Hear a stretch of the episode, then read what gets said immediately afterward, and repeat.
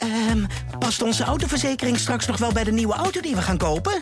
Of kunnen we met overstappen flink besparen? Genoeg van het stemmetje in je hoofd? Even Independeren. Daar word je altijd wijzer van. Vergelijk nu en bespaar. Welkom bij Independer. Ja, dames en heren, goedemiddag is het nu. Het is tien voor drie. Ik zit niet in de archiefkast op de redactie van de Volkskrant. Ik zit ook niet thuis onder de hoofdslapen van mijn dochter. Ik zit op een schitterende verdieping op een van de grachten in Amsterdam. Het is een mooie, grote, klassieke ruimte. Achter me bevindt zich eigenlijk een woonkamer. Maar ik kijk nu tegen een grote boekenkast aan. Eh, eigenlijk dit, dit, deze hoek waar we zitten heeft alles van een werkkamer. De rest van de verdieping niet per se. En aan deze tafel waarin ik zit worden boeken geschreven. Uh, er zit ook een schrijver tegenover me die ik zo meteen ga interviewen. Het is even mijn favoriete schrijvers. Ik heb heel veel van hem gelezen. En hij heeft nu een nieuw boek uit. Het heet Man zonder rijbewijs. Het gaat over zijn pogingen om een rijbewijs te halen. Ja, en eigenlijk alle gedachten en ervaringen die auto's bij hem teweeg brengen. En dat zijn er veel. Het is een heel autobiografisch boek. Het is heel interessant. Het raakt heel veel aan op een hele terloopse manier. Um, ik ga met hem spreken. Luister naar mijn interview dat ik nu ga afnemen. Hier aan deze tafel in de werkkamer van en met het interview dus Oek de Jong. Ja, Oek. Ik zet even de microfoon iets dichterbij. Ja, oké. ja. Heb je een beetje microfoonangst of niet? Nee hoor. Nee? Nee, maar ik moet even... even... Je kijkt ook een beetje achterdochtig naar die microfoon. heb ik nog nooit iemand horen zeggen. Uh, toch is nee, het, het is zo'n groot zwart ding. Wat, uh, van, ja. Kan hij niet lager? Wil, wil je hem lager? Ja. Ja, vind je dat prettig? Dat? Ja. Ja, ik had... Dat ik maak... iets meer naar beneden kan praten. Ja, ja. Oh, daar hou je van, van naar beneden praten. Nou, dat hij niet zo op zee aanwezig is. Ja. Uh, maar jij vindt het wel, jij bent dat gewend natuurlijk. In je... Ja, oh, ik praat Dit is veel fijner. Dit ja. is veel fijner. Ja, prima. Ja. ja. Het is grappig, ik maak een podcast met mijn vriend Marcel van Roosmalen. En ik had op een gegeven moment, had, hij heeft een, had een klein microfoontje daarvoor. We nemen op afstand op.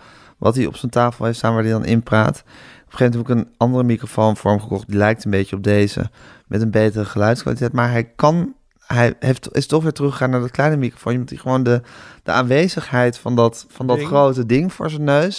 Dat, dat werkte belemmerend. Uh, dat werkte belemmerend voor hem. Maar dat Ja, heb jij nu dus hem- eigenlijk ook. Beetje, ja, omdat zo, om- hij is ook zo groot en zwart. En, eh, Ja, en aanwezig. en ik zie Marcel in de studio altijd wel eh, staan als hij zijn column voorleest. Ja, dat is bij de radio. Ja, Ja. Dan staat hij wel, dus dat is anders. Zit je dat allemaal te bekijken ook? Kijk jij naar Radio 1? Nee, ik heb Facebook. Oh, je hebt Facebook. En, dan daar- zie je van alles voorbij komen. Ja, dat is eigenlijk een eh, grote, grote informatiebron voor mij. Ja? Ik zit, ja, ik zit in een bubbel. Mensen die, eh, ja, die interessante dingen erop gooien. Vind je dat leuk? Hou je van Facebook? Nou, op zich, nee, niet, niet mijn favoriete medium. Nee. Ik, ik gebruik het gewoon puur zakelijk. eh, als er een nieuw boek komt en nu, nu plaats ik af en toe berichten. Ja, Dat is het. ja. Ehm, maar ik pik wel veel dingen van andere mensen op. Ja, precies. En er is dus iemand die Af en toe die columns van Marcel, Marcel plaatst. Ja, dus dan Ja. zie ik hem daar weer eh, brommend. eh. Ja, brommen kan niet.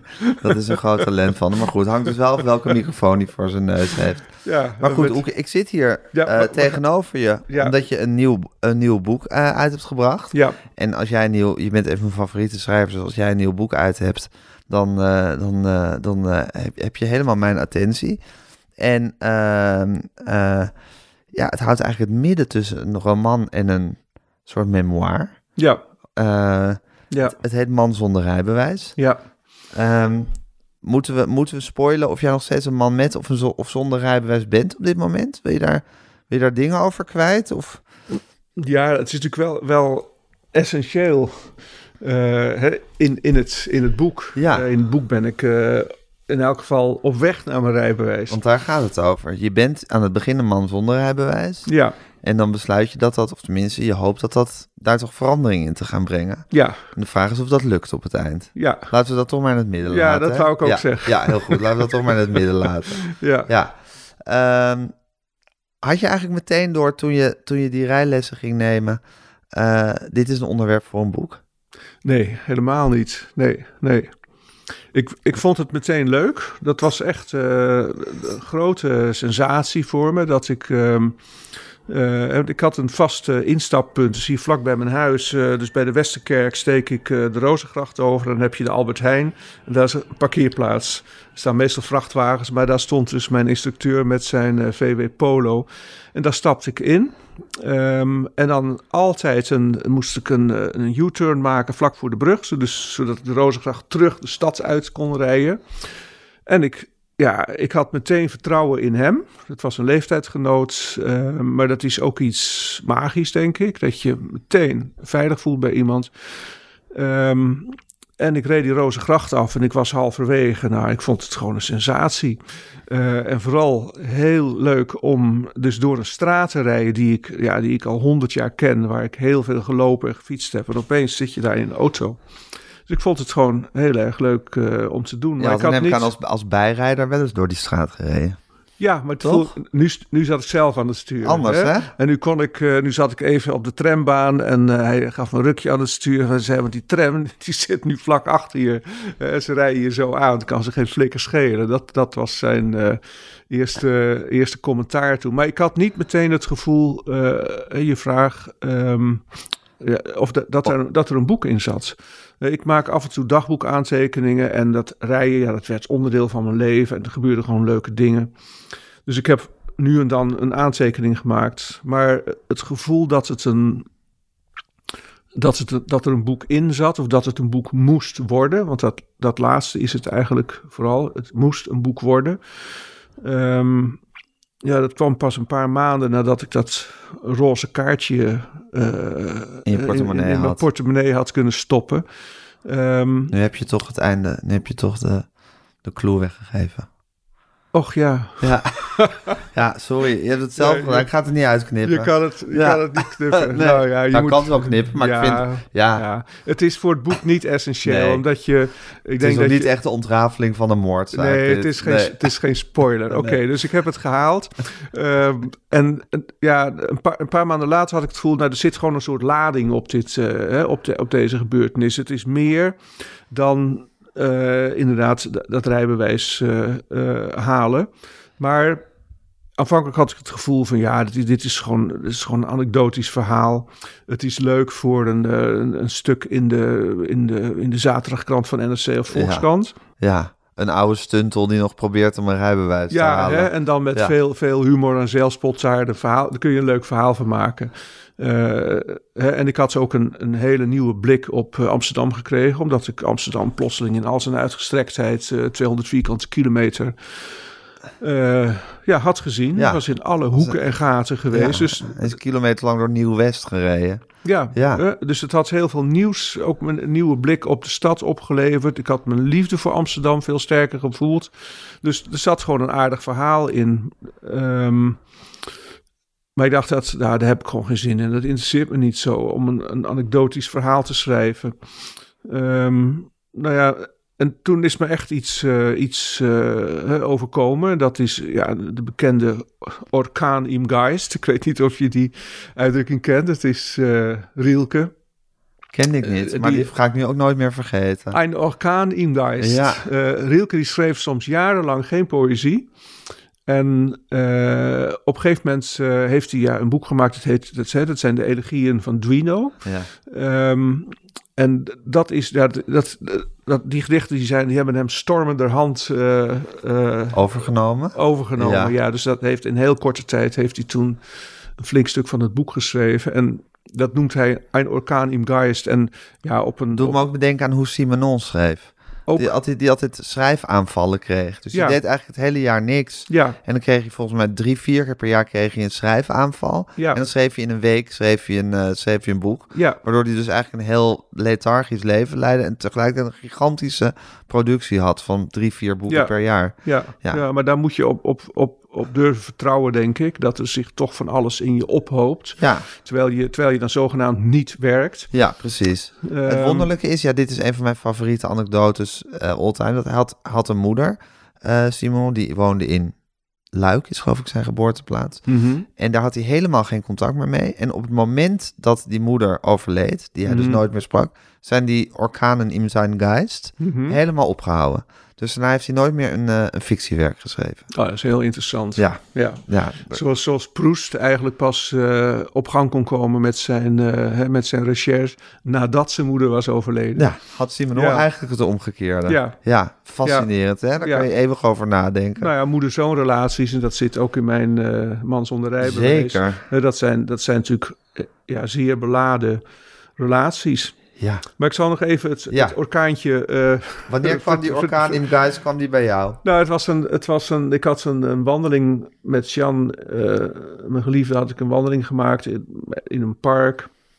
En ik was op zondagmiddag thuisgekomen en even op bed gaan liggen, lekker, eh, lekker, lekker wegzakken.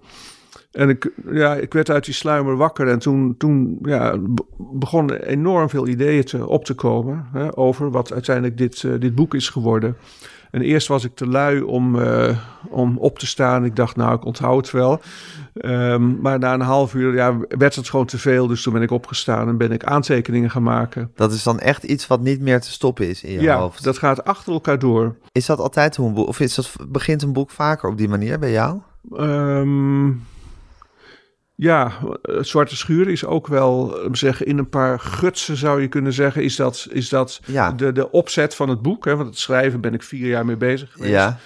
met allerlei onderbrekingen. Maar zeg, eh, ik heb het laatst in mijn dagboek heb ik het nagelezen dat ehm, Zwarte Schuur is gewoon in om te zeggen drie grote gutsen, Orkanen. is, is, orkanen is, Ja. dat, eh, is dat ontstaan. En eh, bij Man zonder rijbewijs is dat, hè, dus dat ging eigenlijk die hele zondag ging dat gewoon door. Ik ben ik ben opgestaan, ik heb aantekeningen gemaakt. Toen ben ik naar het huis van Sjan gegaan om te, om te eten. Na het eten ben ik in een leunstoel gaan zitten. eh, opnieuw urenlang aantekeningen maken. En om een uur of half elf eh, had ik het gevoel dat, ja, dat er een compleet eh, verhaal stond. Ja, Wat je alleen nog maar even hoefde op te, uit te werken. en Ja, op te dat schrijven. lijkt dan zo. Hè? Maar bedoel, ik, je hebt een, je hebt een, je hebt een, een framework hè, of een ontwikkeling, een, een, een boog. Je hebt, je hebt een verhaal neergezet. Nou, toen heb ik het weer weggelegd. En toen Is ben dat ik. eigenlijk iets, ook een beetje angstaanjagends als dat gebeurt? Of is het, is Nee, dat is- is het dat is puur prettig? Ja, maar Ja. Het, is, het is iets. Het, het, het overkomt je. Ja, Ehm, ehm, ja, ik, ik besteed er ook niet zoveel aandacht aan. Dus ik heb niet meteen het gevoel van. ehm, oh, er is een boek eh, in aantocht. Het is meer. Ja, dagelijks leven. Het, het- het ja, behalve dus dat op het moment dat die orkaan er is, Ja. moet je er wel eh, aandacht aan schenken. In die zin, dan, dan moet je eraan overgeven. Ja. En dan moet je opschrijven wat er in je hoofd eh, komt. Nou, Ja. eerst dacht je dus ik onthoud wel, maar dan moet je toch, ja. toch gaan schrijven. Ja, het dan is, is, het natuurlijk ook, dan, dan, dat is ook gewoon te zonde om dat te negeren dan. Want het is, dan, wordt, dan wordt je eigenlijk van alles aangeboden. Ja, het is, het, is, het is totaal dwingend. Hè? En, en, en elke schrijver weet natuurlijk eh, op, hè, op den duur dat, dat, dat, ja, dat dit gewoon een, zeg, een, een enorme uitbarsting van je, van je onderbewuste is. Hè? De- Die, en ja, iets, iets wonderbaarlijks is en blijft het, hoe, hoe vaak je het ook meemaakt. Hè, dat al die ideeën gewoon zichzelf aandienen. Het is, Ja. ook, het is ook alsof er een, een net boven water wordt gehaald. Zo, ja, hè, waar, waar, spartelende ideeën in liggen. Waar, waar, Ja. waar die vangst in zit. ja, En het is totaal dwingend. Maar ja, ik heb verder niet. ehm, ja, ik ben er niet meteen mee gaan werken. Ik heb het weer weggelegd, want ik was nog niet overtuigd eigenlijk. Ik heb het weer weggelegd. En, want het kan ook zijn dat je zo'n orkaan hebt en dat het dan toch te mager blijkt of niet. Nou, ik was nog niet ervan overtuigd dat ik een boek kon schrijven wat, maar zeggen, wat boven die anekdotes uitkwam. Hè, dus in die, in die eerste golf eh, eh, heb ik eerst, laten we zeggen, van, voornamelijk vanuit mijn geheugen heb ik die hele cyclus van die rijlessen ge- gereconstrueerd. Allerlei incidenten die daarin zitten.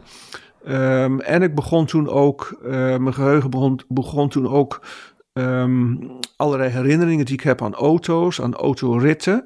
Eh, cruciale autoritten, eh, geliefdes die ik heb gehad hè, met een bepaalde auto. De Renault 4's van je ouders, Hè, niet de te Renault 4's vergeten. van mijn vader en moeder. De Citroën Traction Avant. Hè, die prachtige auto uit de jaren 50 van mijn grootvader. Ja. Dus we zeggen, dat begon allemaal, al die verhalen begonnen op, Los te te, op te wervelen in mijn, in, mijn, in, mijn, in mijn geheugen. Dus dat had ik allemaal genoteerd. Eh, maar ik was dus kennelijk, het was kennelijk nog niet genoeg. Ik heb het weer weggelegd. Ehm, en maar twee maanden later gebeurde precies hetzelfde. Weer een orkaan in. Ja, dus ook weer na een wandeling een beetje eh, dit is ook gewoon heel karakteristiek hoor. Dat, dat ideeën komen altijd in een soort leegte. Dus je bent zogenaamd aan het niets doen. Je bent zogenaamd aan het suffen. Zoals je ook altijd op de fiets of onder de douche ideeën krijgt. Ja, dat zijn ook bij, heel... het, bij uitstek van de gelegenheden. Ja. ja. De douche s ochtends is voor mij een bekende plek. Ja. Om een idee te krijgen. Ja. Of, of, kort na het wakker worden. Ja. Uh, dat er. Eh, maar ja, dat is allemaal zo vanzelfsprekend. En. en achterloos of zo hè, gebeurt dat bijna. Het enige wat je moet doen is, is um, ja, gewoon goed opletten.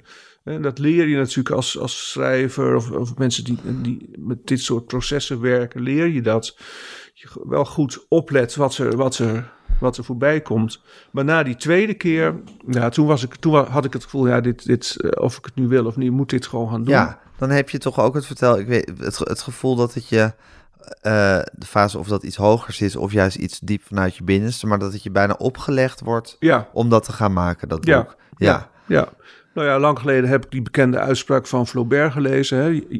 Jij als schrijver bent niet degene die het onderwerp kiest, hè, maar het onderwerp kiest, jou.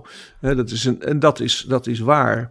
Uh, en ik denk dat je dat een, ja, zeker een literaire auteur, hè, dat hij daarop moet afgaan. Dus je moet uh, kijk, een commerciële auteur werkt meer van buitenaf, zou ik zeggen. Die, die, die denkt van, nou, dit is een onderwerp waar ik gewoon uh, succes mee kan hebben. Uh, ik heb ja. een, een, methode om dat onderwerp te behandelen. Ja, ik moet nu weer een thriller over een kunsthistoricus gaan schrijven. Ja, ja. ik ga gewoon aan de slag. Ja. Daar heb ik respect voor, maar dat is een heel andere manier van schrijven. En zeg, een literaire auteur ja, staat meer onder een soort dwang. Het is een, hè, ik, ik kan eigenlijk me ook alleen helemaal uitleveren aan een, aan een boek wat, wat, ja, wat me opeist. Dus iets wat, wat uh, van diep weg in me, in me opkomt.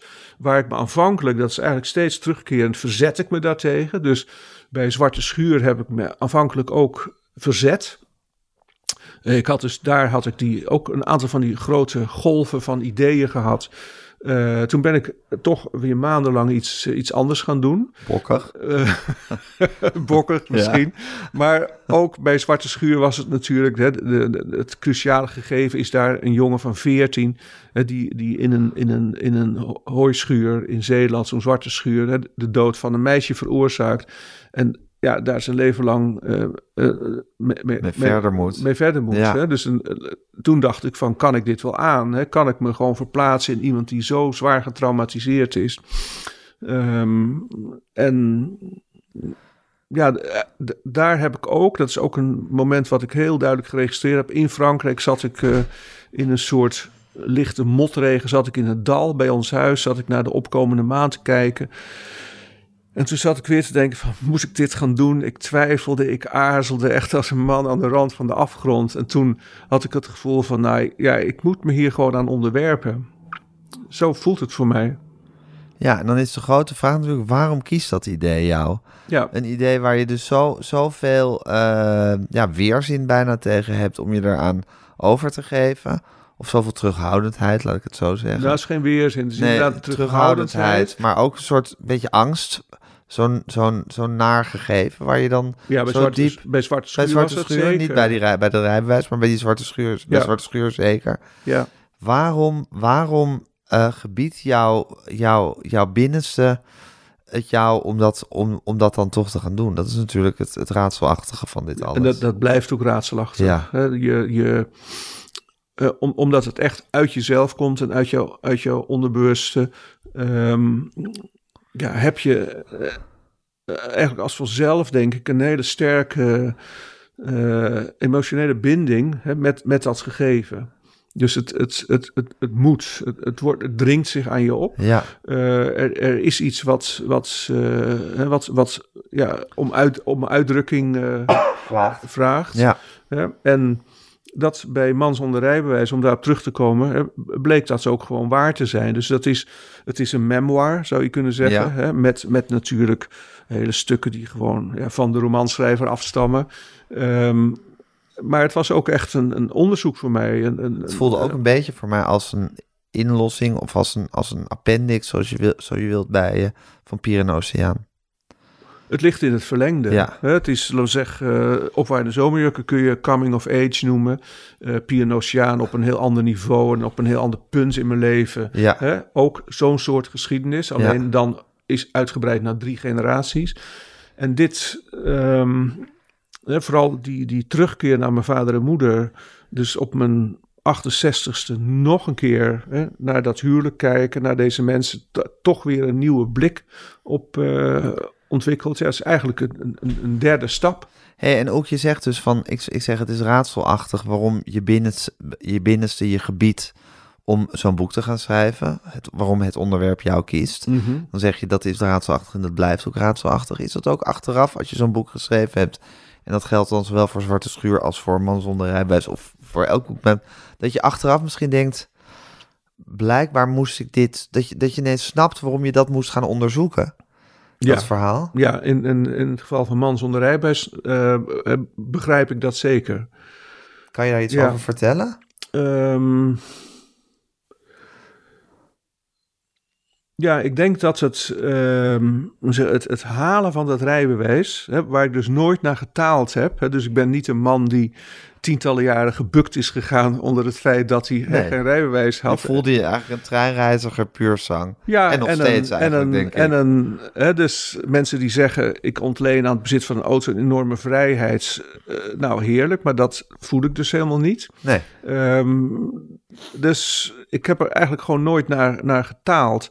Ehm, maar toen ik het één keer had, en dat is dus die lading waar ik het eh, in het begin over had. Er zat er een lading op dat onderwerp zat. Ehm, ik, ja, ik heb eigenlijk uit willen zoeken van waarom zit hier nou zo'n lading op. Hè? Dus lading is echt een term uit de psychotherapie. Hè? Dus een therapeut kan tegen jou zeggen wat je nu vertelt, daar zit echt lading op. En dus hier zit, zat die lading op. En dat ben ik gaan uitzoeken in dat, in dat boek. En ik denk dat het ehm, ja, op, op diepste niveau ehm, is het voor mij toch eh, een soort, soort laatste stap geweest van, van, van een vo- volledig aankomen in de wereld. Zo, zo, zo voelde het voor mij. Dus die, dat was vooral die eerste tocht die ik op de ring maakte. Hè, dat beschrijf ik ook. Ehm, dus dat je echt gedwongen wordt om mee te gaan in, in die verkeersstroom. Precies de juiste snelheid rijden. Ja, zo erin voegen. Invoegen, alles. Hè? Je doet alles volgens bepaalde regels. En als je het niet doet, heb je gewoon een levensgevaarlijke situatie. Dus je voelt een enorme dwang. En tegelijkertijd eh, was het voor mij ook, ook iets, ja, eh, iets fantastisch. Zodat ik daar, dus in, dus in die stroom, dat ik daarin meeging, in, in die auto. Ja. Dus het, ehm, eh, ja, dat was denk ik op diepste niveau de, de ontdekking dat ik, en daarom ben ik ook teruggegaan naar mijn ouders en vooral naar de, naar de, we zeggen, de eenzelvigheid van mijn ouders. eh, naar de jongen die ik was toen ik op mijn 18 in Amsterdam kwam.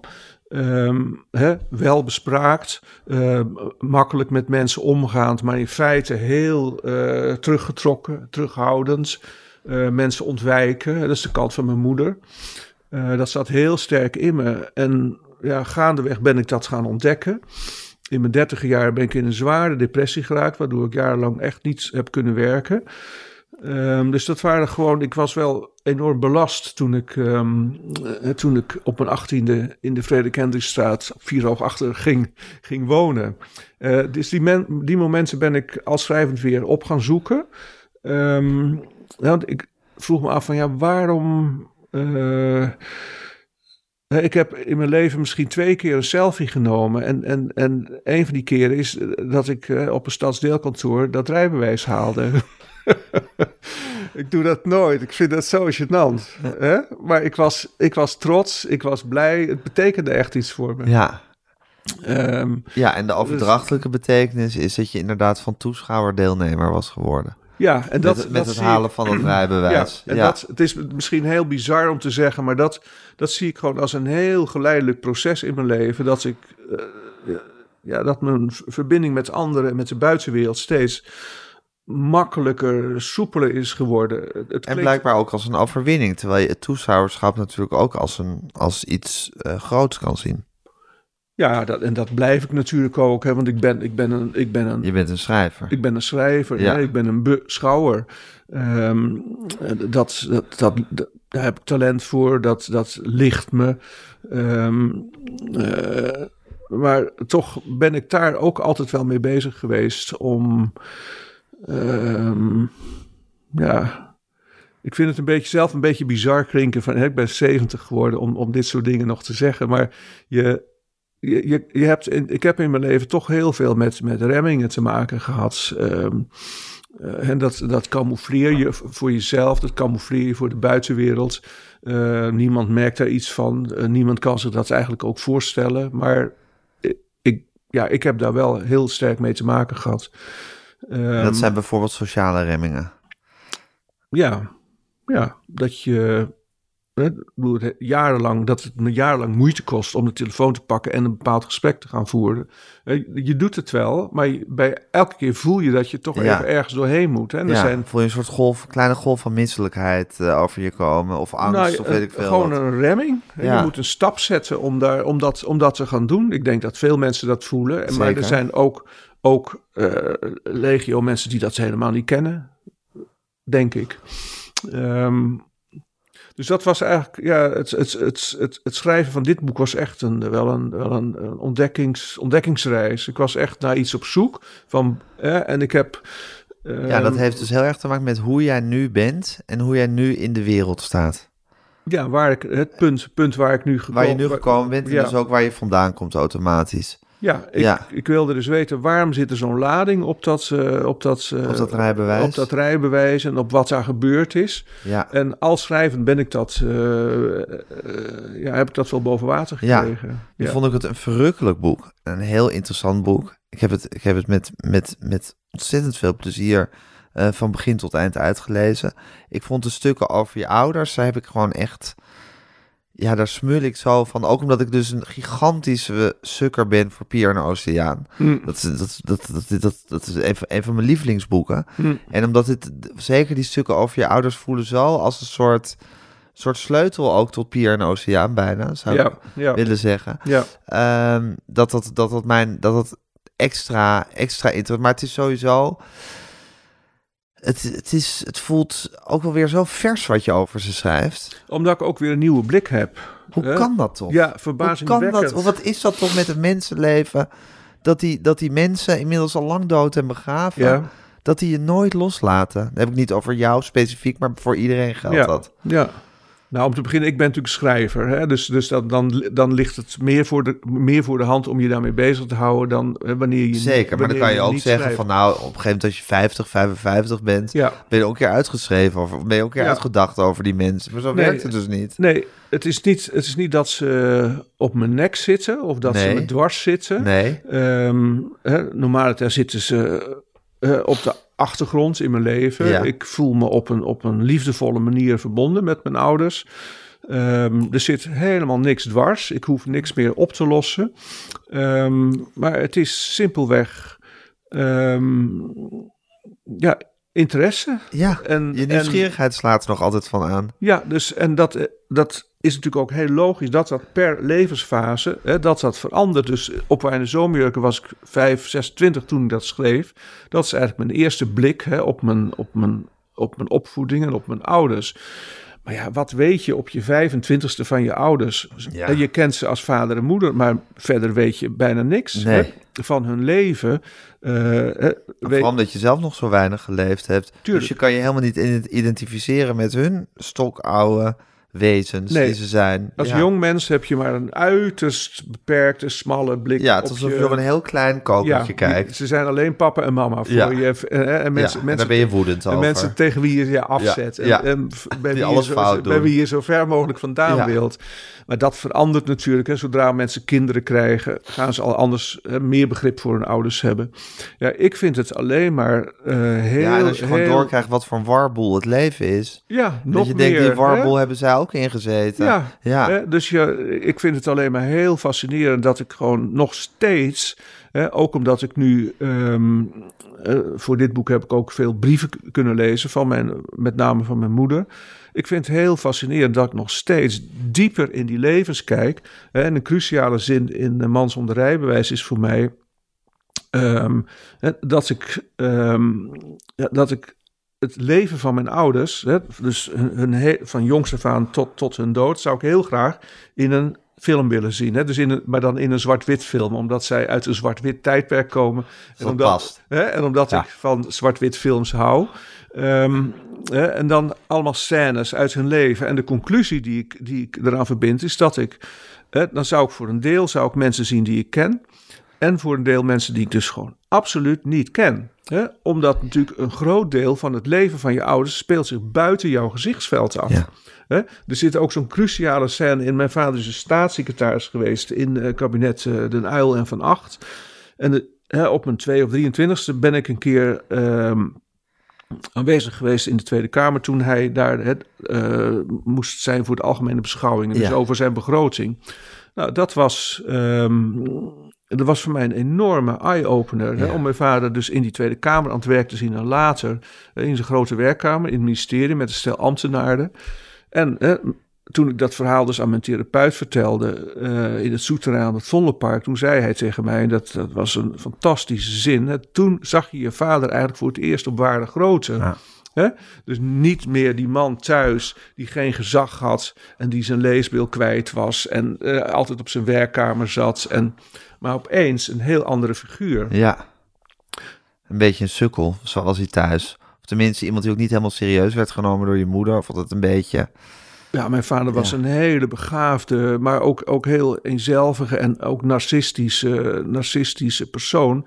Die, die in het gezin eh, langzaam maar zeker alle gezag kwijtraakte. Ja. Hij trok zich gewoon helemaal terug in die werkkamer. En in zijn werk was ook heel veel van huis.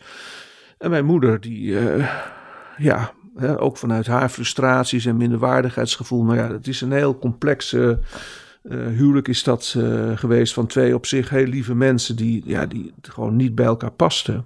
Ja, En dat verdriet daarover, dat blijf ik wel voelen. Hè, want Ja. Ik ben de oudste en daar ben ik echt heel erg door getekend. ja. Ehm, Dat kan je ook altijd nog oproepen. Dat, Absoluut. bedoel, dat, als je- Ja, als- wordt- Als je aan jezelf denkt in die jaren, dan voel je weer dat, Nou, die, die- onmacht daarover. de beklemming. De hè. beklemming. Ik, ik had laatst een mailwisseling met een van mijn zussen. En die, die schreef dat ook, dat dat thuis... Omdat die, tuss- door die spanning tussen die twee mensen, die, die, die maar niet oploste, die alle twee steeds weer probeerden om dat huwelijk goed te krijgen. Ja, een weekend weg om te gaan praten. Ehm, eh, alle strijd die er, die, die er was ook over het geloof. Want wij waren, zaten in een christelijk, eh, in een christelijk milieu. Ehm, ja, mijn zusje zei ook, het was heel beklemmend eigenlijk om, Ja. daar, om, daar, om daarin te zitten. Dat, ja, dat kan ik nog zo oproepen. dat kan je nog zo oproepen. En hoe heeft het dan met die or- orkaan in Geist te maken dat je ineens weer een soort nieuwe blik op je ouders krijgt? Dat, het, dat, het, dat, er, dat er weer een soort vers, dat er, als, als, ja, alsof, je, alsof, je, alsof je het schilderij weer even schoonmaakt of zo. Nou, ik denk wat, wat zo'n orkaan eh, veroorzaakt is dat ik. Ehm, eh, dat je. ehm, ja, ik, ik geloof dat bij, in, in zo'n creatief proces dat, dat wat zich steeds voordoet, is dat jij eigenlijk ehm, als persoon dat je een soort opdracht geeft aan, aan hè, iets eh, wat voor jou in de diepte aan het werk is. Dus eh, ik had gevoeld, er zit lading op dit onderwerp, maar moet ik er iets mee?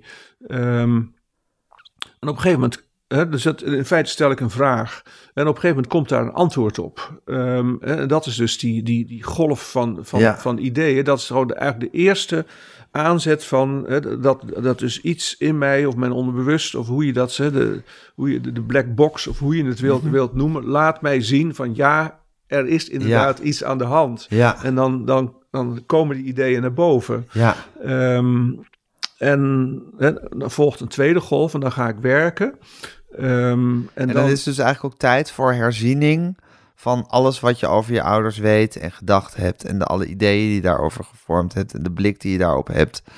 Dan is het misschien ook tijd om dat weer, weer eens te gaan verversen. Misschien. Ik ben, Ja. ik ben dus, hè, de, de afstand tussen dit boek en Piano Oceaan, dus een grote familiegeschiedenis, is tien jaar. Ja, Dus ik, ben, ik zit echt in een andere levensfase. Ehm, ik, ben, eh, ik ben heel veel brieven van mijn moeder. eh, ja, heb, zijn me eigenlijk in handen gespeeld. Hè. Dus na Pier en Oceaan ben ik benaderd door een, door een medicus in, in Dordrecht. En dat was de zoon van wat ooit de beste vriendin van mijn moeder was. En mijn moeder heeft, was een enorme briefschrijfster. Mhm. In die tijd belde je natuurlijk niet, maar je schreef brieven. Eh, Dus tussen 45 en 55 heeft mijn moeder, ik denk twee keer per week, een, echt een, echt een volledig openhartige brief geschreven hè, aan haar vriendin Meta. Meta Dus dat zijn er honderden. Dat zijn er honderden. Ja, En deze, deze, deze man ja, was heel erg onder de indruk van Pier en Oceaan. Zijn moeder had al die brieven bewaard en die zei, die zijn voor jou. Dus zij zat waar jij nu zit en we hebben een hele middag zitten praten. En die brieven, ja, dat heeft me eigenlijk een, ook weer een hele nieuwe blik op mijn moeder gegeven. En vooral ehm, eh, rond eh, haar 25 gaat ze dus werken. Ik, ik vermeld het heel kort op het eind, maar het is voor mij cruciaal. Hè, gaat mijn moeder werken in een kinderthuis in Zandvoort op de Duinen, Mhm. Groot Kijkduin. Eh 150 kinderen en een vrouwengemeenschap. Alleen vrouwen werkten daar. En mijn moeder ja, raakte in de band van een tien jaar oudere vrouw, de directrice. Ehm, en dat, dat werd een, een, een lesbische verhouding eh, hè, in 1950. Dus toen was eh, homoseksualiteit, daar werd niet over gesproken, bestond niet. Het was gevaarlijk. Ehm, hè, of het nog strafbaar was in Nederland, weet ik niet. Maar in Engeland nee, zeker. Het is in ieder geval not done. Het was not done. Ja. Dus er was natuurlijk een heel uitzonderlijke en mo- moeilijke situatie voor mijn moeder. Maar ze wist wel eigenlijk meteen dat die kussen van deze vrouw op haar een heel ander effect hadden dan de kussen van mijn vader, met, Ja. wie, ze, met wie ze toen verloofd was. En dat is En voor van mij welke man misschien, ik weet niet hoeveel ze gekust had in haar leven. Maar goed. heel weinig Ja. hè, in die tijd. Ja. Ja. ontzettend bleu en uit, uit een milieu waar je... Ja. Maar goed, in ieder geval was het met die vrouw heel anders dan met je vader. Ja, Ja. Hè? en dat was niet een, zeg, eh, eh, ik denk dat ze één of twee keer met haar echt naar bed is geweest, maar het was wel een passionele eh, verhouding. Ehm, nou, en toen ik, ja, ik, ik, ik wist dat, ik kende dat gegeven wel, maar mijn moeder had het altijd afgedaan. Hè, van de, er was een vrouw in dat kinderhuis en die zat achter me aan. Dat was eigenlijk het, eh, dat was Ja, het was eigenlijk het verhaal. Maar ja, door die brieven begon ik het. eh, nou, to- ja, toen eh, het bekende kwartje, wat, wat Ja. valt of zo. Toen begreep ik ineens zoveel meer. Eh, eh, dus de, de spanning tussen, tussen mijn moeder en mijn vader. Hè, mijn, eh, ze is eigenlijk met hem getrouwd. Ja, onder druk van de conventies. ehm, eh, die toen natuurlijk heel sterk waren voor, voor, een vrouw. Ze heeft zich opgeofferd. Ze heeft eigenlijk heel veel gevoelens opzij moeten zetten Ja. om, om dat te kunnen. Zoals vrouwen zich natuurlijk sowieso in die tijd veelal moesten opofferen. Ja, Ja, ja. eh, zelfontplooiing was natuurlijk überhaupt al niet... ja, eh, en, en je moest eh, ook wettelijk verplicht stoppen met werken. precies, Hè? ja. Wat voor mijn moeder ook. ook En dan was het ook nog dus haar geaardheid misschien die ze moest, die ze moest onderdrukken. Ja, En ook nog haar depressie, die ook nog, ja, wat zoals je schrijft, geen, was nog geen volksziekte. Dus Ja. ook, ook als zodanig niet onderkend werd. ja, Ja, ja. Dus ja, ik heb. Moet zeggen, deels door zelf ouder te worden. Hè, en, en deels door omdat ik gewoon echt nieuwe informatie vond over mijn moeder. ehm, in die brieven. Ehm, ja, is mijn blik op haar, op mijn vader, op dat huwelijk. heel erg veranderd. Ja, toch wel weer sterk veranderd. Ja, Ja. toch is het zo dat je, dat, je, dat je vroeger veel meer verbond met je moeder had. En dat je later eigenlijk meer Ja, eh, naar je vader bent toegetrokken. ja, ja, ik zou wel eens van anderen willen weten of ze dat ook kennen. Maar ik ben dus in de loop van mijn leven, dat heeft zich ergens in mijn dertig jaar afgespeeld, ben ik van een moederskind veranderd in een vaderskind. Heb je wel eens mensen dat horen vertellen?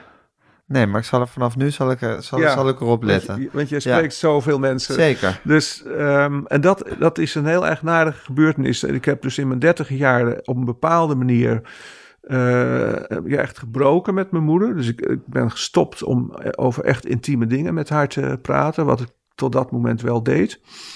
Ehm, En je begint het boek, of tenminste, ik weet niet of het allereerste begint, maar in het begin zit een fantastische, ja, het is het begin, want dan zit je in die Renault 4 ja, met haar, je bent aan het rijden en je schrijft dan een zin of een observatie die ik zo typerend voor jou vind, omdat die zo helder en zo waar is. Namelijk dat je, dat je het talent hebt of de gave dat je in staat bent om, zo maar zeggen, een soort gesprekken met je moeder te voeren. Ik parafraseer het nu heel slecht. Hè? Ja, En haar soort confessies te ontlokken of een soort, soort, soort Ja. zware, diepe gesprekken. ja, En dat je daar, dat je daar een soort eh wellust in hebt om dat, je, Ja. om dat te doen. En je voelt trots, maar je schaamt je er ook voor. ja, Je voelt er tegelijkertijd schaamte voor. ja, Ja, dat vind ik een, dat vind ik een, ja, ik weet niet, maar dat vind ik zo'n goede, ik kan die situatie en dat hele gegeven kan ik me zo goed voorstellen. Ja. En die mix van emoties die je daarover kan hebben. ja, Nou goed, dat vind ik dus een, een typische observatie voor jou om te beginnen, waardoor je ineens dat je denkt, ja precies, precies zo is het en zo snap ik wat je bedoelt. ja, En dat is natuurlijk ook die soort hele diepe intimiteit die je met je moeder had. ja. Eh, dat je gewoon met haar kon praten en dat ze jou Ja. dingen vertelde. Ja, want zij was, hè, zij was ongelukkig en in, in mijn puberteit begon ik dat te zien. En ehm, ja, zo rond mijn zeventiende, want dat was die scène dat ik, dat is de eerste keer dat ik auto reed Ja. en bijna crashte Ja. met, met mijn moeder naast me. Ja, Ehm, eh, ja, ik vind het leuk dat je die observatie zo naar voren haalt, omdat het, ik vind het ook echt fantastisch op de een of andere manier om ja, zo diep in zo'n ervaring door te dringen dat ik dat precies bloot, bloot kan leggen. Ja. Hè? Begrijp je dat? ja dat begrijp ik heel goed, maar daar, daar ben jij ook de meester in wat mij betreft. Ja, maar het bevredigt me ook heel erg. Dat Ja. ik het gevoel heb dat ik echt iets bij de strot heb of zo. Van Ja. dit was het. Ja. En ook dat ik dan voor mezelf eh, eh, toe durf te geven van dat het eigenlijk ook voor een jongen van 17 gewoon ongepaste gesprekken zijn Ja. hè, met je moeder. Je kan niet op die leeftijd ehm, hè, met je moeder hè, over haar huwelijk en met jouw vader praten. Nee, Dat is, je, je voelt, hè, dus ik heb haar gewoon daartoe ja, gebracht. ja, Hè? Verleid in feite. Ja. Hè? Om, ehm, dus ja, daar zit ook iets niet goed. ja. Het is bijna Maar- incestueus. Ja, Ja. hè, Dat is, en daarom is die scène ook, eh, ook zo ontzettend geladen. Ja, Ehm, hè, want in dat te hard rijden en dan ook de verleiding die ik voel om nog harder te gaan hè, en dat ongeluk te krijgen. ja, Daar zit natuurlijk daar zit iets, ja, het is natuurlijk voer voor eh, psychologen. Dat, eh, daar zit iets heel. ehm, ja, er zit natuurlijk een destructiedrang in, er zit woede in. het is sadistisch ook. Ja, Ja. Hè, zit een, dat is een. en Die herinnering, dus toen ik begon te schrijven, hè, want we hadden het over die twee visioenen die ik had van, eh, van het boek. En dan, ik ben, heb in Frankrijk op een gegeven moment besloten, oké, ik ga het schrijven. En deze scène, dus die, dat autorijden met mijn moeder op mijn 17, ja, dat knalde er meteen uit. Ja. Dus dat- toen, toen was ik ook, dat is gewoon in Nog even, Oek, want je zegt dus dat jij het heel bevredigend vindt om, zo, om, om, om zo'n soort cocktail van emoties en die hele situatie zo te beschrijven dat je denkt, ja, zo klopt het en zo is Ja, het. Dat ja. begrijp ik precies, want ik voel die bevrediging dus helemaal met je mee. Dat is Mhm. waarom ik je zo graag lees. Onder andere, omdat Mhm. jij heel vaak in situaties, het is vaak een constellatie, mensen die in een ruimte zijn en de een zegt iets tegen de ander en dan op een manier zet je het beeld stil en beschrijf je precies hoe het zit en Ja. hoe, de, hoe, de, hoe, de, hoe de verschillende emoties en de verhoudingen ook Ja. zijn. Eh, Daar zit voor mij echt een, echt een, ik weet niet precies het goede woord, bevrediging, voldoening. maar dat- ik dat vind, het, jouw- ik dat vind het dat fantastisch. is jouw handelsmerk ook. Ik vind het fantastisch Ja. omdat ze dus... eh, maar ga je dan, dus je, je ziet jezelf en je moeder weer zitten in die Renault 4. ja, Ga je dan gewoon bijvoorbeeld een dag zitten nadenken van hoe zat dat nou? Wat was ik daar aan het doen? Hoe was een verhouding? Nee, of is nee, dat... Nee, dat komt echt al schrijvend. Hè? Dus dat, is, dat is dus, om zeggen, al Je schrijft met de hand, Ja, hè? het is echt, echt als musiceren. Dus je, je, je begint te spelen en dan gebeurt er iets. En met schrijven is voor mij precies hetzelfde. Dus je, je, je, je hebt die techniek, hè, die, zit, die zit in je vingers. Je weet hoe je het moet doen. Maar Ja. je, je begint te schrijven en dan overkomt je iets. Ja, en dan, dan moet het wonder gebeuren. ja, en dan schrijf ik het wel hè, in drie versies. Maar hè, de derde versie is echt afwerken. Maar in de eerste twee versies ben ik gewoon Doe je met de hand, hè? ja, dan ben ik met een vulpen en dan ben ik de hele zaak echt aan het, aan het ontdekken van. ehm, en, eh, dus En in die handeling van dat schrijven met je vulpen en in de concentratie van hoe je nadenkt. En je bent natuurlijk ook een soort, je, je leidt je geest af omdat je gewoon die letters op papier moet schrijven ook.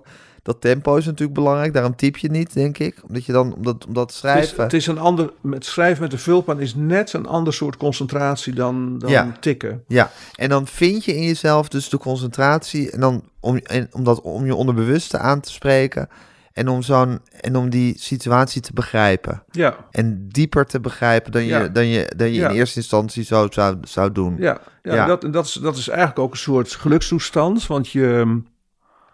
Dus als je het over, over de handeling van het schrijven hebt, of over de daad, want dat is het. Je bent echt iets aan het doen. Ehm, is het, ja, het is, zeggen, het is, het is channelen, maar, maar niet naar Ja, boven, van hè, binnen. maar, maar naar Ja, beneden. Dus ja. je, je, dat is ook een van de dingen die ik enorm eh, ja, geleerd heb in, in de loop van mijn leven. Dat ik, dat ik heel makkelijk in die, in die toestand zak. Of zo. Ja. Dus ik ben tien minuten aan het rommelen aan mijn, aan mijn, aan mijn werktafel, aantekeningen maken enzovoort. En dan eh, ja, raak ik gewoon ingetuned op, op waar ik moet zijn om te kunnen schrijven. En dan, eh, dan, dan ben ik bezig met eh, visualiseren. Dat is, dat is heel belangrijk. Dus op, op het moment dat ik dus die eerste scène, die cruciale scène schrijf, eh, zie ik dat die auto, die Renault 4, die, die ik tot in alle details nog steeds ken, Ja, eh, dat zie ik wel helemaal voor me. ja, Eh, tot en met, eh, je had zo'n echt zo'n hard plastic eh, eh, dashboard had je met twee van die kleine klepjes erin, waar dan de lucht door naar binnen Ja. kwam. Hè? Dus zo hele simpele, je voelt dat weer helemaal. primitieve auto. En je voelt dus die geilheid, laat ik dat woord, woord gebruiken, niet letterlijk gaat, maar die, die, die wellust die je hebt om je moeder dat, dat, dat, die verhalen te ontlokken. En je voelt weer dat daar een soort... Dat daar, ja, dat- maar ik was ook echt, ik wilde haar ook echt helpen. Dat, Ja, dat het is een hele mix van, van ja, maar juist hè? als je iemand heel graag wil helpen, kan het toch ook heel bevredigend zijn als, je, Ja. als dat lukt, of als je denkt dat het lukt. Maar dat je in elk geval... Nou, het, was, het, was, het was gewoon een hele Freudiaanse situatie. hè. Ja. Dat, ik nam de plaats van mijn vader in. Zo simpel is het. Ja. Hè? Eh, en ik, ik ver- verdrong mijn vader eigenlijk Ja, in, hè, in het haar aandacht. Het is echt een oedipale Ja, ehm, eh, hè, eh, Situatie. eh, situatie. ja, En ja, eh, al schrijvend diep ik het dan uit. eh, komen steeds meer eh, details komen, komen naar voren. Ehm, ja, een heel belangrijk moment is dan, dat is ook echt schrijven, staat ook een zin staat erin van, hè, dus ik vlieg bijna uit de bocht, ik knal bijna tegen die boom. Mijn moeder begint te schreeuwen hè, van angst. En dan schrijf je een zin, hè, ze, ze injecteerde mij met haar paniek. Nou, dat is, dat is natuurlijk niet bedacht, hè, het woord injecteren. Ehm, ja, dat is de vondst. Hè, omdat je, ook voor de lezer maak je daarmee duidelijk hoe dat binnenkomt. Ja. Is een injectie. ja, Hè, dat is iets, eh, daar heb je geen enkele weerstand tegen. Nee. Kun je niet voor afsluiten. Nee. Het wordt gewoon in je gespoten. ja, Ehm, dus door dat woord injecteren eh, voelt een lezer ook meteen dat hij, eh, hoe die paniek bezit van je neemt, als Ja. het ware. Ehm, ja, dat, dat, dat, dat is voor mij schrijven. En ook, ja. ook het exact interessante het goede woord. wat Eh, vanzelf komt. wat vanzelf hè. komt, Maar door een ja. eindeloze training. Hè, maar dient zich dat dan aan. waardoor je precies het goede beeld krijgt. Ja. En dat is, ja, daar doe, je, daar doe je het voor. Maar als schrijvend exploreer ik zo'n hele, zo'n hele situatie. En dat, ja, dat blijft het wonderbaarlijke. Dat dat op de een of andere manier, dat je brein dat, dat, je brein dat doet. Ja, Dus dat je zo'n zo'n op zich natuurlijk toch vage herinnering hè, van... ja, ik heb eens een keer met mijn moeder daar gereden op een middag. Eh, ja, gebeurde dit, was toch wel eng. Hè? Ook vooral dat remmen en dat- die, die krijsende motor. Hè? Ja. Dat, dat, dat is, maar dat is natuurlijk, in feite is het allemaal vaag. Maar door dat schrijven ga je dat enorm verhelderen. En daar moet voor mij iets heel belangrijks gebeuren, want anders zou ik dat natuurlijk niet mijn hele leven doen. Hè, om, om die herinneringen, eh, om die zo scherp te krijgen en om na 50 jaar nog te gaan begrijpen van wat daar nu Ja. gebeurd is. het is gekke werk eigenlijk, hè? Ja, het is, het is abnormaal. Je kunt een heel ander soort leven leiden, maar ja, ik vind Nou, het... het is abnormaal en het is tegelijkertijd volstrekt menselijk. Ik bedoel, het is, het is, iedereen heeft een obsessie met zijn eigen jeugd, denk ik.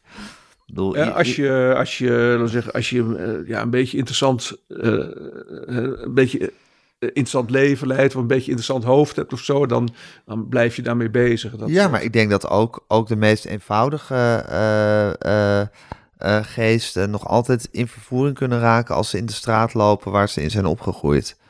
En als, Ja, ze, het, dat als, ze, als ze het huis zien waar ze, waar, ze in, eh, waar ze de eerste jaren van hun leven Ja. hebben gewoond en waar ze Ja. herinneringen, als ze een geur ruiken van, die ze nog kennen van toen ze zeven waren. ja. is maar dat komt van buitenaf, hè? Ja, zeker. Dus, ja, dus maar goed, ik denk dat, iets- dat, dat- maar ik denk dat dat, dat, dat voor iedereen een, een, iets heel dieps raakt. Ja. En dat dat niemand, bijna niemand koud zal laten. Ja, misschien Nee, een enkele en- en in- psychopaat daar gelaten. en in zekere zin is er dan, hè, want ik zeg nu, hè, na 50 jaar, hè, dat je dan nog Ja. eh, interessant vindt om zoiets te ontdekken. In zekere zin eh, gaat het natuurlijk over dingen die, die, die in een tijdloze ruimte zitten. Daar is helemaal geen tijd. Ehm, eh, dus je kunt eigenlijk ook niet zeggen van ik ontdek dit na 50 jaar. Het is een, het is een, ja, een heel fluïde en levend ehm, reservoir. Hè, wat, wat, in, wat in elk mens zit. Ja. En, eh, wat, wat op elk moment door een geur of door iets wat je ziet, kan dat weer aangeboord worden en gaat dat weer, gaat dat weer leven. Hey, en ook je zegt in je dertiger jaren had je een depressie waardoor je niet kon werken. Eh, was het een depressie waardoor je niet kon werken? Of kon je niet werken waardoor je een depressie kreeg? Was het writersblok er eerst of was het depressie er eerst? Nee, want de, de writersblok, de- die term heb ik altijd afgewezen, omdat, het, hè, omdat daar iets aan vooraf gaat. Dus het is niet, ik kan niet schrijven. Hè. Er, is, er is, een, er is een, een, een psychische eh, toestand ontstaan, hè, waardoor, je, waardoor je gewoon eh, tenslotte zo, in zo'n slechte toestand raakt dat je niet meer kan werken. Want je bent eerst nog, heb je nog een tijd doorgewerkt. Ook in die depressie.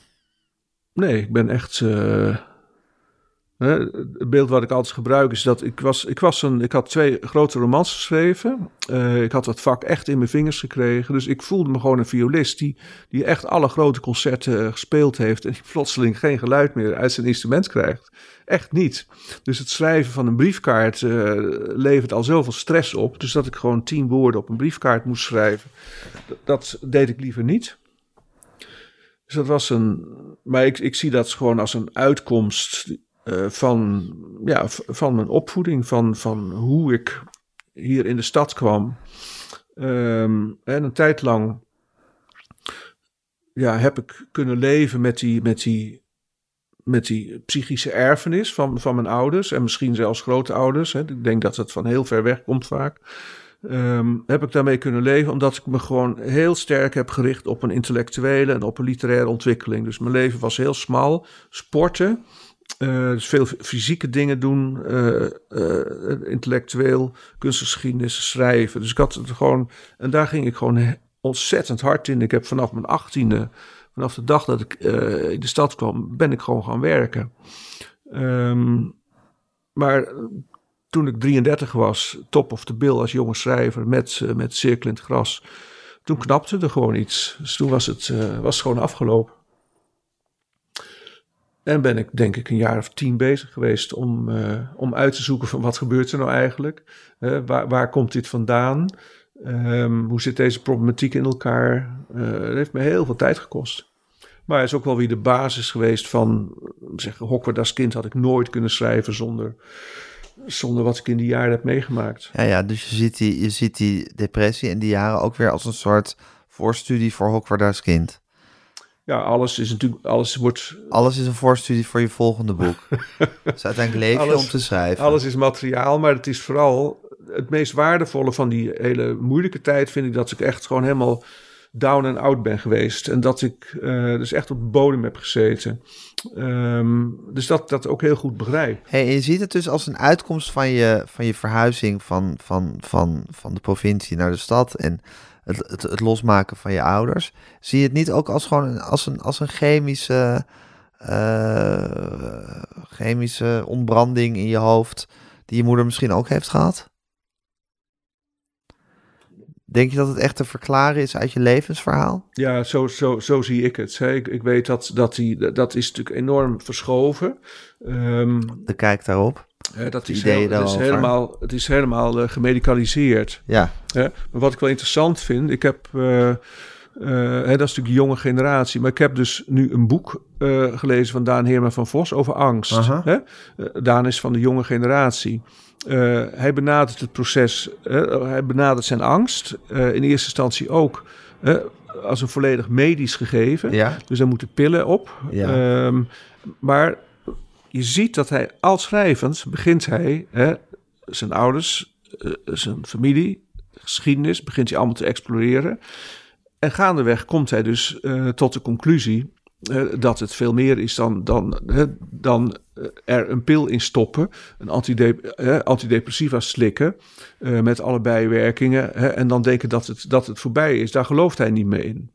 Ehm, en zo zit het voor mij ook. En ik vond het ook veel interessanter eh, om het echt door te maken en uit te zoeken van wat is dit precies? Eh, ik zat ook nog net voor de opkomst van, van antidepressiva, dus was in de jaren tachtig. Dus toen had je, wat is het eerste middel? Eh, Prozac, Prozac. een beetje, wat Dat heel begon- populair was. Ja, dat begon, begon toen net op te komen. Maar ik heb er eigenlijk nooit aan gedacht om, om, dit, eh, om dit te gaan doen. Ehm, het is me ook nooit aangereikt. Ehm, maar ik heb, ja, ik heb veel brieven geschreven. Ik had een, ik had een heb jarenlang een vriend in Stockholm gehad. Eh, en ik heb aan hem in het Engels eh, hele lange brieven geschreven. En ik probeer te analyseren. Wat, wat, wat is dit precies? En dat, dat, het gaat veel te ver om daar nu over te hebben. Maar daar ben ik ook wel voor een deel achter gekomen. Het is, Ja, gewoon, het is eigenlijk, laten we zeggen, heel kort samengevat... Is een depressie is, was voor mij in elk geval een soort, soort stolling van de ziel. Dus een, een soort dood van de ziel is het. En het, het, het andere aspect voor mij was dat je dat je, je vitaliteit, je levenskracht... Hè, dus die, die je naar buiten brengt... die, richt zich, die, die slaat naar binnen en die richt zich tegen jouzelf.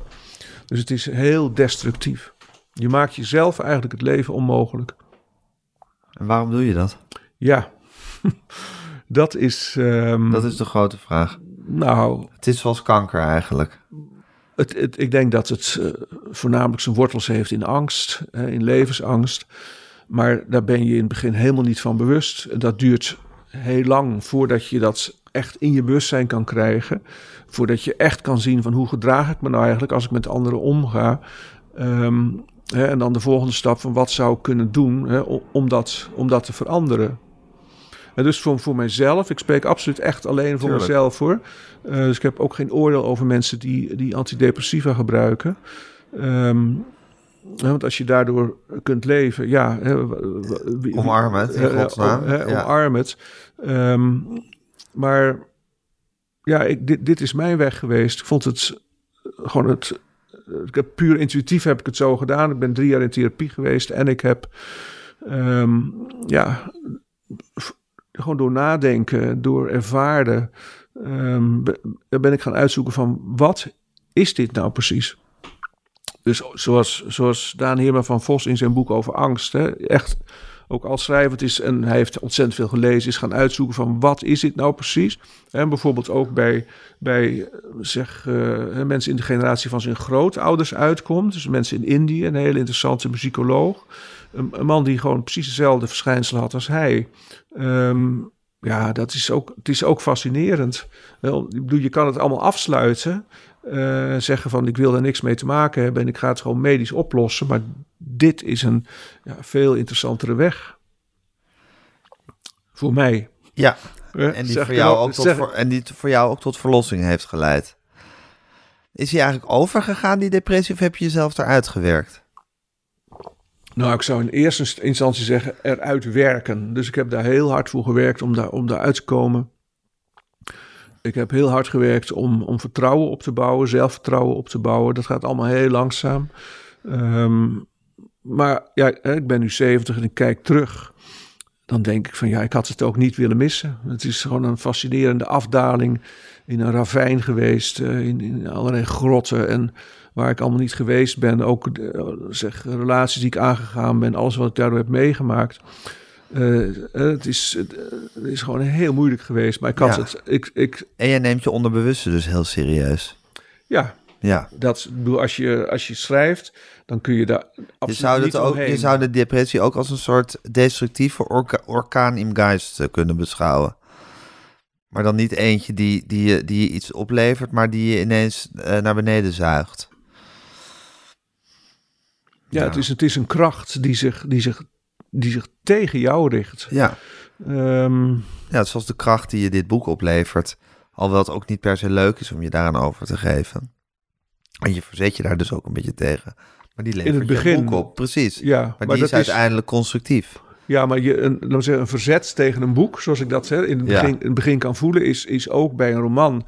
Omdat ik weet dat ik er gewoon eh, drie, vier, vijf jaar van mijn leven Ja. aan ga Het geven. is ook een beetje zoals het verzet om 's ochtends op te staan. ja, maar je dan, weet dat het moet en je weet dat, het, dat die dag je heus wel leuke dingen gaat brengen. Ja, Maar dan moet je, denk je dan van, nou, oké, daar gaan we weer. ja, maar hier gaat het dan om jaren. Tuurlijk. Hè? En het is ook, ja, een, een boek schrijven geeft ook eh, heel veel spanning. Hè? Dat gaat, het gaat op mijn leven drukken, het gaat op, op het leven van Sjane gaat het drukken. Ehm, ja, ik, eh, ik weet ook dat die, laten we zeggen, het, het, het, het voltooien van een boek, de publicatie, dat is allemaal eh, stressvol. En ik heb wel geleerd om, dat, om daarmee om te gaan. Ehm, maar ja, je moet het wel steeds weer opbrengen. Dus dat, ik denk dat daar ook een, een deel van het verzet ook daarin zit. Dat je, dat je weet van, nou, ik ga weer echt iets aan. Eh, dus dat gaat me veel energie kosten. Maar belangrijker is denk ik verzet tegen ehm, ja, wat er allemaal boven water kan komen. Maar uiteindelijk kan ik er niet onderuit. Vond je het erg dat je niet kon schrijven tijdens je depressie? Ja, dat is natuurlijk hetzelfde als, als een, ik gebruik het beeld van de Van de violist. muzikus die niet kan De- is De muzikus die gewoon... Hè, ehm, bedoel, hè, jij hebt eh, ooit een prachtig interview met uh, Lidie Blijdorp gemaakt, hè, met cellisten. Ja. Nou, ik heb haar eh, inmiddels eh, heel wat keren horen spelen. Ehm, moet je je voorstellen dat zo iemand plotseling niks meer met die cello kan. Dat Ja. ze zich zo ongelukkig voelt dat ze niet meer kan spelen. Ehm, nou, is voor mij precies hetzelfde geweest. Ja. Ik ben wel heel andere kanten opgegaan. Dus ik heb mezelf een, zeg, eh, in erotische, seksuele zin heb ik mezelf echt eh, hele grote vrijheid gegeven. En ik dacht van, nou, dan ga ik dat pad eens een keer helemaal. Hè? Dat kon je wel in je depressie. Ja, dat ben ik wel gaan doen. Ehm, met eh, ook, dat leverde ook weer gigantische problemen op. Maar door, ik ben wel ja, allerlei andere gebieden ingegaan. Ik ben niet eh, stil blijven zitten. Ik heb heel veel gereisd. ehm, ehm, maar ja, het blijft natuurlijk toch. eh, en het was ook gewoon voor mijn literaire loopbaan is het gewoon natuurlijk heel slecht geweest. Ik heb Gerbrand Bakker wel eens geïnterviewd over zijn depressie. Ja, En bij hem was een depressie die gewoon niet meer kon voelen. En dat hoor je wel vaker. Dat is een, een ander soort depressie dan die jij had. ja, Ja. Ze zijn natuurlijk ook in alle soorten en maten depressies. ja. Ja. Ja, het is ook een depressie is natuurlijk ook een, ja, een totaal Een versleten, versleten woord. En ja. inderdaad een containerbegrip van ja, wat bedoel je nog als je dat woord... ja. eh, van mensen die op allerlei manieren Ja. tegen het, met het leven worstelen. Op wat voor manier dan ook. Ja. hè, ik zou ook kunnen zeggen dat ik in die tijd dat ik gewoon heel veel tegenslag had. Hè? Want het, het, laten we zeggen, het huis waar, waar we nu zitten, ik had het net gekocht. En we kregen hier een enorme verzakking. ja. Ehm, dat is het allerergste wat je over kan overkomen met een, een grachtenpand in Amsterdam. Een verzakking. Daar ben ik twee jaar mee bezig geweest. Ja. Met rechtszaken en, en, en, en aannemers en, en, en constructeurs. En nou ja, eh, dat was dan maar één van de tegenslagen. Er gebeurde gewoon ook ontzettend veel. Ja, en misschien dat die verzakking je zo in beslag nam dat je niet meer de eh, concentratie had om te schrijven. En dat het, ja, ik, ik, ik, blijf, ik blijf me maar afvragen van, werd je depressief omdat je niet kon schrijven? Of kon je niet meer schrijven dat je depressief werd? Het kan ook zo zijn dat er inderdaad omstandigheden waren waardoor je Ja. niet meer die concentratie had, Ja, die muziek kon vinden, dat ritme kon vinden ja. om te schrijven. En dat zodra jij niet meer kan schrijven, dat het een soort, soort eh, de, de ene ramp de andere oproept. En dat je gewoon ook een soort emotioneel verstopt raakt. Of soort dat het, dat, dat het kaartenhuis een beetje in elkaar stort eh, in je hoofd. ja. Kan ik me zoiets bij voorstellen. Nou, en zoiets als zo'n zo, zo'n zo'n soort rechtszaak, je huis, wat toch altijd iets belangrijks is. zeker. Gewoon de plek waar je je veilig moet voelen. Als dat zo onder druk staat, Ja. kan dat natuurlijk heel enerverend zijn. Ja. ja. En daarvoor zat nog gewoon dat ik eh, het feit dat ik Dat je, ik, wat je allemaal eh, nog moest verwerken. Ik was gewoon overspannen. Ja. Hè? Ik had eh, voor Cirkel in het Gras had ik ehm, vijf jaar extreem hard moeten werken onder heel grote druk. Hè? Want de, de, de tweede roman, Ja. die net zo goed moest zijn als de eerste. Dus ik denk dat het daar begonnen is. Dat ik gewoon een, een burn-out had. En, of een overspanning of wat dan ook. En dat daar gewoon allemaal eh, eh, dingen bij zijn gekomen. Wat een leven, hè, Oek? Al die boeken. al die boeken die je maar moet schrijven. Ja, leef je om te schrijven of schrijf je om te leven? Dat is natuurlijk ook een soort, ja, ja. eh, soort cirkel waar je nooit uitkomt. Ja, schrijven is mijn weg. Daar, Ja. heb, ik nooit, daar heb ik eh, nooit aan getwijfeld. ook niet in die tien jaar dat ik eigenlijk eh, bijna niks, eh, niks schreef. heb Dan nooit wist los... je, het moet weer, het moet weer, je moet die weg weer op. Ik heb het nooit losgelaten. Nee. Dat, dat vind ik achteraf wel eens, wel eens verbazend. Dat ik dus jarenlang niet heb kunnen schrijven. En toch eigenlijk nooit het idee heb gehad van ik ben geen schrijver meer. Of ik stop ermee. Of dat is nooit in me opgekomen. Nee. En nu werk ik eh, geweldig. Hoe is het als zo'n boek uit is ook? Zoals nu Man zonder rijbewijs. Het is. Ik ben gewoon heel blij dat ik het gemaakt heb. Dat is eigenlijk. eh, dat was mijn belangrijkste gevoel toen het, toen, het, toen het uitkwam. Dus dat het me gelukt is. Dat ik een, eigenlijk in een nieuw genre, hè, memoir. Want het is echt iets anders dan een roman schrijven. Ja, dat, dat ik die techniek in mijn vingers heb gekregen. Ehm, dat ik echt een, een op, op toch gevorderde leeftijd nog een nieuwe weg op ben gegaan. Ehm, en ja, dat ik belangrijke ontdekkingen heb gedaan door te, door, door, door te schrijven. De, de ontdekkingen Ja. die, voor, die voor mijzelf eh, Ja. eh, essentieel, essentieel zijn. Zijn. En dan heb je daarnaast ja, de, de reacties van de buitenwereld. Ik eh, krijg nu ontzettend veel verhalen van mensen over hun rijbewijs en over rijlessen. Dus je hebt. Het is ook een ding. Het is bizar. Ja. Ik, ik had nooit gedacht dat dat voor veel mensen zo belangrijk is. Want bijna iedereen die dit leest, ehm, begint daar zelf over. Ja. Over zijn instructeur, over zijn rijexamen. Eh, het zit in de hersen gebrand met mensen, lijkt het wel. Niemand praat ooit over zijn zwemdiploma's, maar het, Nee, rijden is iets heel belangrijks. En ook mensen zonder rijbewijs, dat zijn echt... Of mensen die niet rijden, laat ik het zo zeggen. Want je hebt Ja. ook mensen met een rijbewijs die nooit een auto in, in zullen stappen. ja, Dat is een, is een andere menssoort dan mensen die gewoon rijden. ja. Ja, Nou ja, je kunt hè, man zonder rijbewijs kun je ook als een soort, eh, als een soort eh, eretitel eh, of iets. Er zit Ja. ook iets provocerends in. nou ja, dat is natuurlijk een beetje hetzelfde als, als wat je zei van ben je toeschouwer of deelnemer aan de maatschappij. Ja, Ik bedoel, je kan nu tevreden en trots zeggen dat je deelnemer bent geworden. Aan de andere kant heeft de rol van toeschouwer is natuurlijk, heeft natuurlijk ook iets stoers of iets aantrekkelijks. ja. Ja, Een van mijn eh, vriendinnen die, die zei eh, over de titel Man zonder rijbewijs. Zei ja, het, het eerste wat ik er eigenlijk in zag eh, was ehm, het thema van, van de eeuwige vreemdeling. ja, En zo formuleerden ze dat. En dat, daar was ik heel blij mee. En ik dacht, Ja. ja, dat, dat aspect heeft het zeker, hè, heeft Ja. het zeker ook. ja, Of ze, in Zeeland hadden ze het vroeger over een aparteling. Ja. Hè, Iemand was een aparteling. ja. En Dat ben je een beetje zonder rijbewijs. Ja, maar dat ben ik pas, eh, pas eh, op hele late leeftijd gaan beseffen. Want ik, Ja, maar dat is dus zo goed van dat schrijven van dat boek. Dat je dat soort, dat je, dat je dat ineens begrijpt. Dat je ineens begrijpt hoe dat zit. je werd dan, ik werd daar nooit mee geconfronteerd. Nee. Hè, omdat ik een vrouw heb die gewoon goed en graag rijdt. En ja, onder schrijvers zijn, zijn natuurlijk heel veel mensen die niet rijden. Hè, onder dichters nog veel meer. Ehm, dus het, het is eigenlijk gewoon nooit een issue geweest. Nee. Eh, heb jij plezier in het bezit van een auto? Heel erg veel. Ja? Ja. Maar bedoel, ook een, wil je een bepaald soort auto hebben? Nee. Ja, inmiddels wil ik gewoon altijd een Toyota. Maar ik wil dus gewoon, ik wil een, een saaie auto die het altijd doet. Maar dan, dan wil je wel een four-wheel drive of een, Nee. eh, niet. Nee. Nee, een gewone auto. Ik wil, ik wil een betrouwbare auto. Ja, een gewone auto.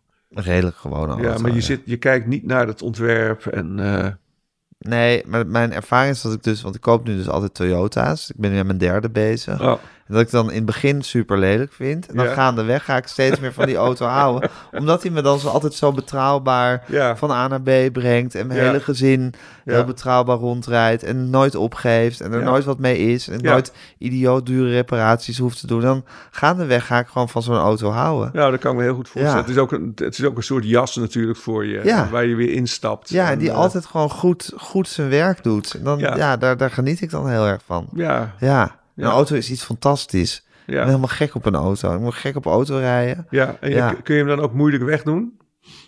Nee, Nee, dat weer, dat, dus je kunt hem wel weer loslaten en inruilen voor, voor een eh, andere. Ja, En koop je dan tweedehands? Ja. Ja, Ja. Nou, dat zou ik ook doen. Ja. 50.000 euro voor een auto uitgeven. Nee, dat vind ik waanzin. Bizar. Dat vind ik- bovendien ben ik ook een hele warrige automobilist die altijd langs, langs stoepjes en langs paaltjes. Ik bedoel, ik rij echt veilig, maar met inparkeren maak ik altijd krassen en in parkeergarages. Dus Ja. ik zou het ook verschrikkelijk vinden om in een soort hele dure auto te rijden, waar ik dan elke keer als dat gebeurde een hartverzakking zou krijgen. Ja. Nou, maar kras, krassen op een auto is juist leuk. Dat, Ja, eh, precies. Maar ja. dan wil ik ook wel een auto hebben waarbij, dat, waarbij ik dat gewoon tolereer, zou ik Ja. van mezelf. Ja, je moet dan niet een... Maar ik weet dus nog heel goed dat ik voor het eerst mijn rijbewijs had. Voor het, dat ik mijn rijbewijs had en dat ik voor het eerst alleen in de auto zat op de Nassaukade. En dat machtige gevoel dat je denkt, ik kan nu ja, bijna letterlijk overal naartoe rijden. Ik Ja. heb nu echt de wereld aan mijn voeten. Dat is, dat is onvergelijkbaar. Mhm. Dat is iets heerlijks, vind Mhm. ik. Ja. En ik vind de auto de beste plek om muziek te luisteren. Oh, dat is... Ja, dus dat ik vind ja. autorijden en naar muziek luisteren. Ja. En ik houd toch heel erg van muziek luisteren. Dus ja, dat vind ik eigenlijk iets weergaloos. Mhm. Ja. Nee, dat kan ik me ook heel goed voorstellen. Ja. Door een mooi, door een mooi landschap rijden en... eh, En lekker muziek luisteren. ja. Beter wordt het toch niet, ook. Ja. ja. nou, ik dank je heel erg hartelijk voor dit boek. Ik verheug me nu alweer op het volgende. Ben je eigenlijk ooit niet bezig met een boek? Zit je nu in een boekloze periode? Of is er dan toch, knaagt er dan toch alweer wat ergens? Ik, ik ben wel alweer aan het, aan het broeden. Ja, En ik ben me er ook van bewust dat alles wat ik nu lees en wat ik aantrek, ehm, dat dat invloed gaat hebben. Je leert het proces gewoon steeds beter kennen. Ja, Dus je- Je, precies. je, je weet gewoon. dus je krijgt ineens een nieuwsgierigheid naar bepaalde boeken of bepaalde verhalen of wat dan ook. En dat is omdat je onderbewust eigenlijk al je aan het prepareren is Ja, op het volgende dat onderwerp dat zich gaat aandienen. Ja, ja, ja. Ik heb, gisteren heb ik, heb ik ehm, het, het verhaal over de nootmuskaat gelezen van Amitav Ghosh. Een heel groot essay in, eh, in de Groene Amsterdammer. Waarin hij fantast, op een fantastische manier formuleert. Ja, wat, wat, eh, die hele klimaatproblematiek heeft hij eh, geanalyseerd. Van in, een, in een historisch perspectief gezet. Eh, het, het, het witte ras, de aarde exploiteren. De aarde als, alleen maar als grondstof kunnen zien. Nou, dat, is, dat heb ik twee keer gelezen. En dan weet ik zeker dat dat op de een of andere manier meekomt in, in wat ik... En je nieuwe orkaan. Ja, misschien. Maar ik ben me er wel van bewust dat ik... ik ben veel met de hongerwinter bezig. eh, dus dat heeft mijn moeder meegemaakt hier in Amsterdam. Maar ik aarzel over een historische roman. Iets dat zo ver terug ligt. Weer de Tweede Wereldoorlog. Maar Ja, maar als het moet, dan moet het ook. ja, ja. uiteindelijk heb ik er niks over te zeggen. Nee, je moet jezelf gewoon nederig, nederig opstellen tegenover je eigen onderbewuste. Ja, je moet je onderwerpen. Je moet je onderwerpen aan je onderwerpen. Ja, je, ja, je, moet, Ja. Het, je moet het amor fati ook... eh, ik omhels mijn lot. En ik eh, omhels uiteindelijk ook wat zich eh, aan me opdringt... Om, om geschreven te willen worden. Ja, Ja, het is niet anders. ja, Dankjewel ook. alsjeblieft. Dit was Met Groenteman in de Kast met Oek de Jong. Mijn naam is Gijs Groenteman. Redactie van deze podcast was in handen van Fanny van der Rijt en Tamar Bot. Daan Hofstee zorgde dat deze podcast goed tot u kwam. Eh Corien van Duin is de, de eindredactie. U kunt een mailtje naar ons sturen, podcasts.volksstand.nl. Volg ons via alle eh, mogelijke podcastkanalen. En geef ons alsjeblieft, als het, oh ja, volg ons op Instagram, @metgroenteman. En geef ons alsjeblieft, als het kan, lekker veel sterretjes.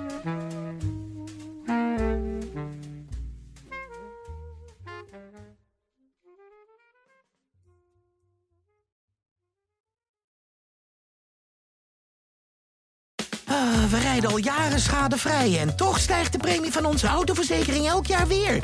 Kunnen we niet eens wat besparen? Genoeg van dat stemmetje in je hoofd? Even Independeren. Daar word je altijd wijzer van. Vergelijk nu en bespaar. Welkom bij Independer.